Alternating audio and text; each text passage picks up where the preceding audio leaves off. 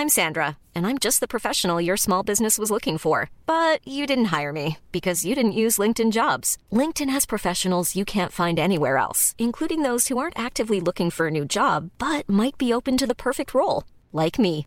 In a given month, over 70% of LinkedIn users don't visit other leading job sites. So if you're not looking on LinkedIn, you'll miss out on great candidates like Sandra. Start hiring professionals like a professional. Post your free job on linkedin.com/people today. Halo pendengar ganteng-ganteng Manchester United Podcast, baik lagi bersama kita bertiga. Dan kali ini masih dalam suasana COVID outbreak uh, dan MU harus kehilangan dua match penting ya. Uh, kalau dibilang sama tim lain, tim lain masih main. Uh, kemarin juga Chelsea, Liverpool masih main. Dan pada kesempatan kali ini uh, kita akan coba membahas sebuah topik yang kurang lebih satu bulan dari sekarang bahkan kurang bahkan. Uh, kita akan menemui winter uh, winter break ya atau bursa transfer musim dingin. Hmm. dan banyak pemain yang mau dirumorkan untuk datang ke MU salah satunya adalah pemain yang kita bahas pada diskusi kali ini yang menjadi favorit gue dari awal musim gue pengen dia ada dan sekarang somehow the links apa namanya is there gitu kan yaitu Frankie De Jong. Gue pengen nanya ke Saung ketika lu ngedengar MU akhirnya dikaitkan lagi dengan Frankie De Jong apa tanggapan pertama lu Ung? Kayak gue rasa permainan action sih men karena gue gue tidak merasa Frankie De Jong cukup esensial sih sebenarnya di squad United sekarang gitu ya oke memang kita butuh midfielder gitu cuman dengan gue gue merasa gue nggak tahu sih gue tidak gue tidak me, apa namanya memperhatikan Ayak dulu sebegitunya kita gitu ya ketika masih ada Donny van de Beek, Hakim Ziyech, Frank De Jong, Matis Delay gitu generasi emasnya mereka lah gitu. Cuman ketika kita punya Donny van de Beek dan dia masih di posisi yang sekarang gitu ya which is sulit untuk masuk ke tim utama gitu kenapa kita harus beli Frank De Jong yang yang bahkan mereka dari pabrik yang sama gitu. Karena gue merasa Frank De Jong ini sistem player gitu loh. Sama kayak Donny van de Beek sama kayak Matis Delik yang bahkan mungkin di uh, Serie A kurang cukup oke okay gitu ya performanya gitu ya. Kalau misalkan kita bisa melihat alumni uh, Ajax yang lain kayak Hakim Ziyech, kayak Doni, kayak Deli gitu, itu gue gue apa ya? Gue tidak melihat mereka cukup perform dengan baik gitu selama selama mereka pindah gitu dari Ajax. Um, okay. Tapi tapi sistem player yang lu bilang kalau misalnya kita lihat dengan MU sekarang kan kayaknya MU hmm. sekarang lebih ke apa ya? Sistem coach gitu maksudnya sistem coaching yang benar-benar bukan kayak di pelatih yang kemarin ya yang lebih mengandalkan individual skill ya. Tapi sekarang benar-benar kita lihat di bawah Rangnick ini pemain harus mengikuti sistem dia. Yang bahkan Ronaldo pun harus beradaptasi sedikit untuk uh, bisa bermain di Rangnick itu menurut lu bukankah ini sebagai adalah hal yang bagus gitu? Karena dia ada sistem player, Van de Beek sistem player dan juga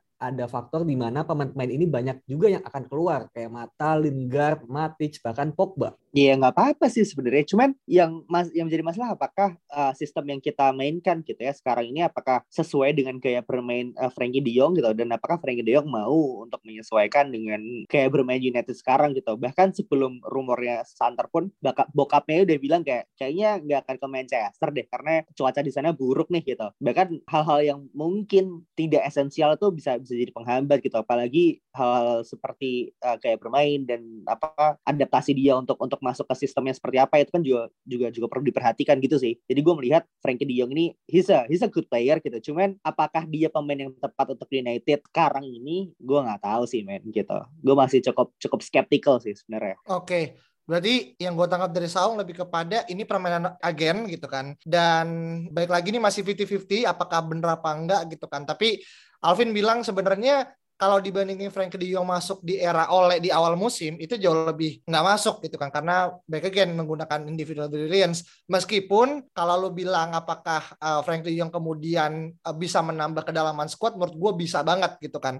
Tapi apakah dia adalah orang dibutuhkan itu pertanyaan berikutnya gitu. Nah gue penanya ke uh, ke Alvin gitu kan. Kalau kita ngomongin kontrak nih di De Jong sendiri masih ada lima tahun lagi gitu kan. Dan menurut gue untuk pemain Barca gitu kan yang kemudian gue selalu merasa gini ketika ada pemain Barca yang mau ke MU itu menurut gue a bit downgrade buat pemain tersebut ya. Sorry to say gue nggak bilang kemudian uh, mereka nggak pantas tapi gue ngerasa Barca masih selevel di atas MU sama kayak Madrid gitu kan. Dan ketika ada pemain bintang ya yang menurut gue masih muda ya 24 tahun pindah yeah. ke MU ini sebuah blessing in disguise lah gitu kan. Dan ini pure uh, ketidakcocokan De Jong dengan sistem di Barca kah atau emang pure emang karena ada gejolak dalam internal konteks uh, finansial yang kemudian akhirnya ngebuat De Jong harus dipindahin dari sisi Barca sendiri, Vin? Menurut gue lebih kedua-duanya sih. Gue mau bahas yang kedua dulu ya, yang lebih ke masalah internal. Karena yang kita tahu juga dalam mungkin dua atau tiga musim terakhir ya, di mana Frankie De Jong itu ada di squad, Barcelona ini mengalami beberapa pergantian yang terakhir ada Xavi, kemarin ini juga ada siapa? Kuman,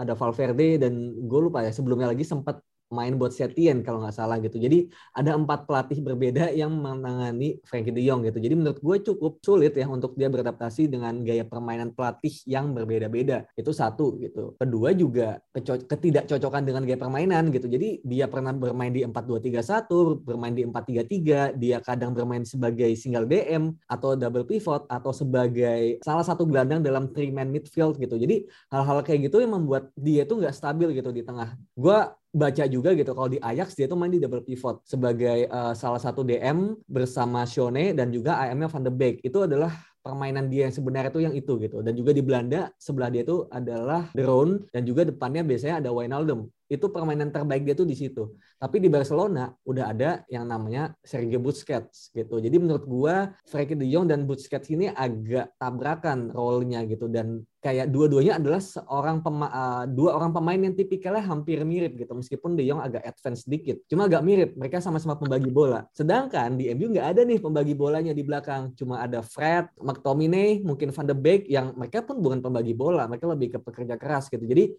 menurut gua Frankie De Jong ini satu sisi bakal memberikan sebuah um, dimensi yang berbeda ketika MU sedang membangun serangan yaitu ya di double pivot itu. Nggak sekedar cuma lari-lari nggak jelas ya nggak bukan nggak jelas juga sih cuma bukan tipikal yang apa ya running all around gitu. Tapi kita punya seorang pemain yang dia bisa dictate dari belakang. Dan itu kan lagi-lagi adalah satu hal yang kita lacking dari dulu gitu. Hmm, iya. Berarti Alvin melihat ada sisi positif sebenarnya kan yang kemudian akan dibawa sama De Jong.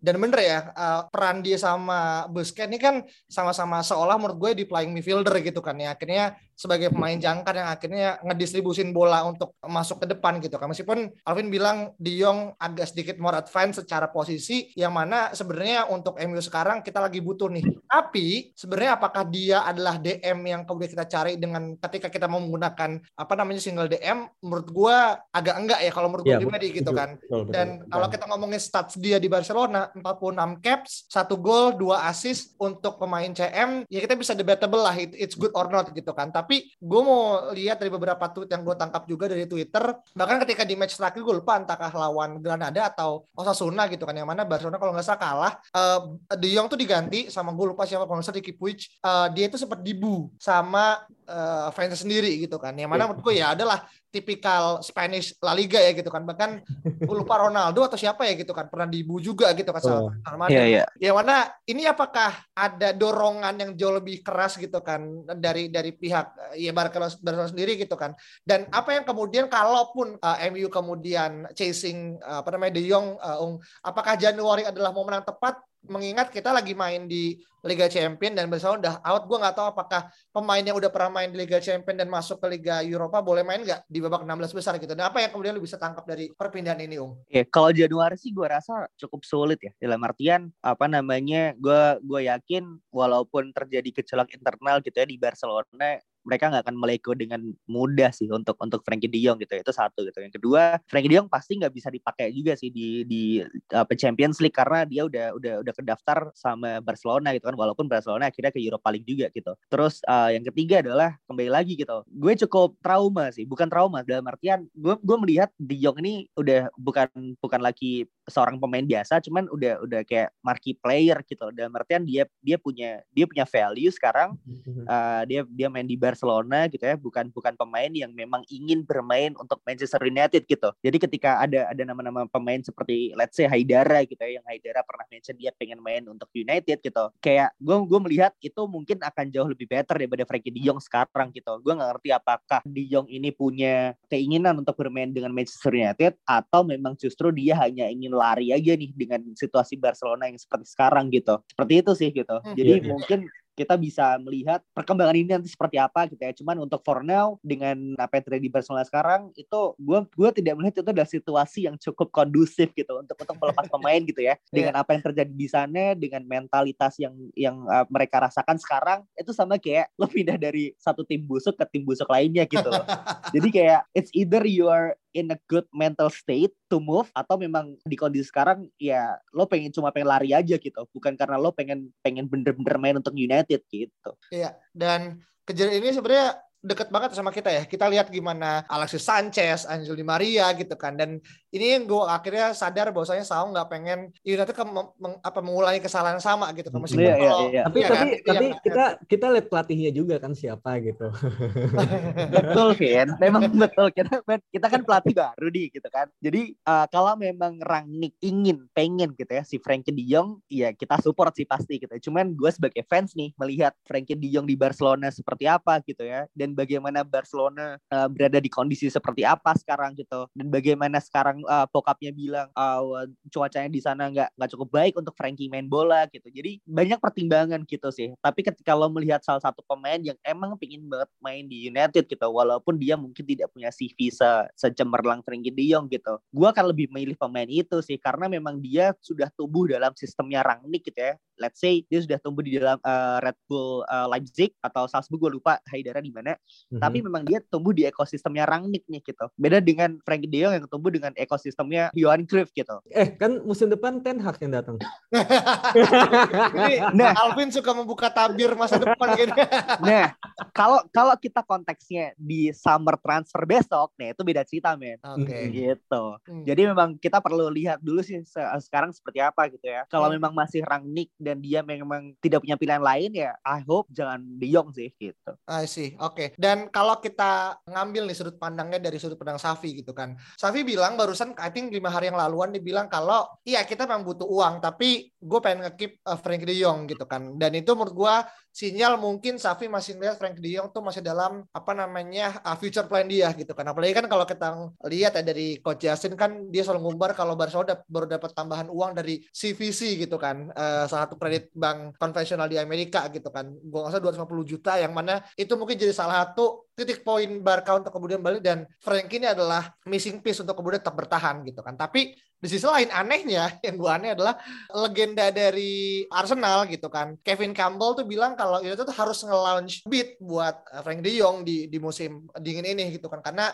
simple ya United lagi masuk ke dalam tag yang baru dan butuh main yang bisa kemudian mendongkrak untuk percepatan tersebut gitu. Nah dari dua hal ini kira-kira Vin kalau lu kemudian boleh objektif dengan konteksnya kita asumsinya masih Rahnik gitu kan. Apa yang lu bisa tangkap dari dari perdebatan ini? Lu tim yang lebih kepada pro atau kontra dan apa yang kemudian bisa lu ambil Vin? Um, kalau misalnya pro ya jelas ya gue sangat menginginkan Frankie De Jong ada di MU tapi kalau melihat juga perkembangan di media ya yang lu bilang juga bahwa gue juga baru baca by the way tentang Xavi bilang bahwa De Jong tidak akan dijual dan juga malah legendanya Arsenal tadi gue lupa siapa dia malah minta MU untuk ngebit gitu dan hmm. di sini gue melihat bahwa kayaknya ya memang sulit gitu loh. Apalagi di Januari benar yang dibilang oleh Saung bahwa De Jong nggak akan dilepas semudah itu. Apalagi di Januari gitu. Kayak um, Xavi juga udah bilang bahwa De Jong ini ya akan akan di restore gitu performanya oleh Xavi. Dan yang kita lihat juga kan ya De Jong ini sebenarnya lebih mirip kayak Xavi gitu permainannya di RCM gitu. Sedangkan Pedri lebih di LCM seperti Iniesta.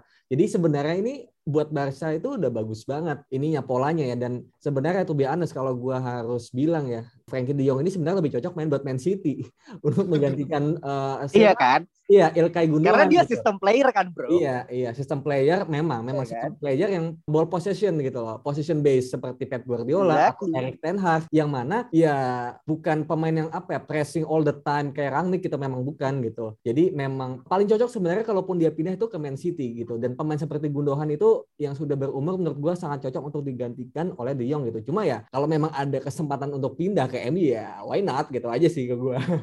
Hmm. Ya. Gue mungkin melihat Safi bilang dia untouchable karena mungkin mereka sulit cari gantinya sih. Dalam artian posisi Barcelona sekarang kan adalah bukan Barcelona yang bisa main ngebit aja kan. Lo mau gak nih main sama Barca gitu kan? Bukan seperti itu gitu karena dia udah gak punya nilai jual sekarang ya. Mm-hmm. Jadi dia lebih bagaimana cara ngekip uh, pemain-pemain yang punya value sembari meningkatkan si nilai apa ya nilai jual mereka gitu. Betul. Jadi yeah. ketika ketika nanti dia udah ada gantinya yang mungkin harganya bisa lebih cheaper gitu. Frankie De Jong pasti akan di Lego sih menurut gua. Hmm, hmm. Kecuali yeah. kecuali misalnya tiba-tiba Barcelona ini bangkrut lagi nih harus ngejual pemain. Nah, De Jong nih bakal dijual pertama menurut gua atau Ter Stegen sih gitu. Iya, yeah, kalau misal lihat di posisi liganya sih bisa jadi mereka kan Euro balik lagi kan gitu. dan, dan pasti mereka akan banyak Lego sih. Iya, iya. Dan dalam Lego pemain menurut gua ya Frankie De Jong tuh yang liability-nya paling tinggi kan. Dia punya eh, lo kalau ngomongin masalah aset dia yang paling mudah dicairkan gitu loh. Gue nggak ngomong kemudian Ter Stegen ataupun Osman Dembele segala macam nggak punya, tapi ya secara market ya De Jong kemudian uh, paling mungkin karena uh, tadi kita belum sempat sebut ya bahwasanya katanya ya ada lima tim papan atas gitu kan dari klub Eropa kemudian chasing after him yang mana mungkin dua di antaranya pertama Emil juga Bayern Munchen gitu kan. Tiga lainnya mungkin bisa jadi tadi Alvin bilang Manchester City gitu kan karena dia per musiknya mungkin dia bisa jadi gantiin Ilkay gitu kan atau mungkin dari Chelsea juga gitu kan dan segala macam gitu. Tapi yang gue juga lihat nih ada salah satu uh, apa komen dari Ron Vlaar dan juga di, di Kite dia bilang kalau mereka tuh malah nggak setuju kalau De Jong tuh kemudian menghabiskan karir di Barcelona karena dia bahkan bilang kayak De Jong tuh main di Barcelona kayak dia tuh ngangkut 50 kg potatoes di di, yeah, yeah. di punggungnya dia gitu loh kayak yeah, yeah, yeah. lu nggak pantas main di situ gitu kan dan dan dia malah ngomong ya lu better ke Bayer gitu kan ya karena benar Bayer mainnya sistem dan mungkin De Jong fit buat di sana gitu. dan ini akhirnya jadi salah satu poin penting nih gitu. Dan mungkin mm-hmm. terakhir kali ya ngomong masalah De Jong juga apakah memungkinkan? Kalau kemudian kita tahu bahwa kita juga punya pemain nih yang dia juga super player gitu kan. Masalah dengan kontraknya Paul Pogba yang akan apa left maksudnya habis di perang musim ini. Apakah ini sebuah idea replacement bro? Saung uh, untuk kemudian uh, Pogba out dan juga Frank De Jong kalau case-nya akhirnya kita harus mengganti satu supporter dengan supporter lainnya bro. Nah opini gue terkait Pogba nih biasanya berubah-ubah men. Jadi gue aduh. Gue mungkin gue mungkin sekarang pengen Pogba dijual ya atau dia pindah aja gitu. Karena apa namanya sometimes kita main lebih bagus gitu tanpa Paul Pogba gitu dan mungkin lebih balance gitu kan. Tetapi ketika dia main bagus gue tuh nggak mau nggak mau dia dijual gitu loh. Jadi kayak gimana ya ini orang memang sangat bisa bikin divisive opinion gitu sih. Cuman kalau memang sudah terlalu toxic gitu ya memang lebih baik dikat saja gitu. Karena kan namanya toxic relationship kan ini ya kita kan tidak tahu nih kalau ternyata memang partnernya manipulatif gitu kan hmm Nah, dia manipulasi permainannya sendiri sebenarnya. iya.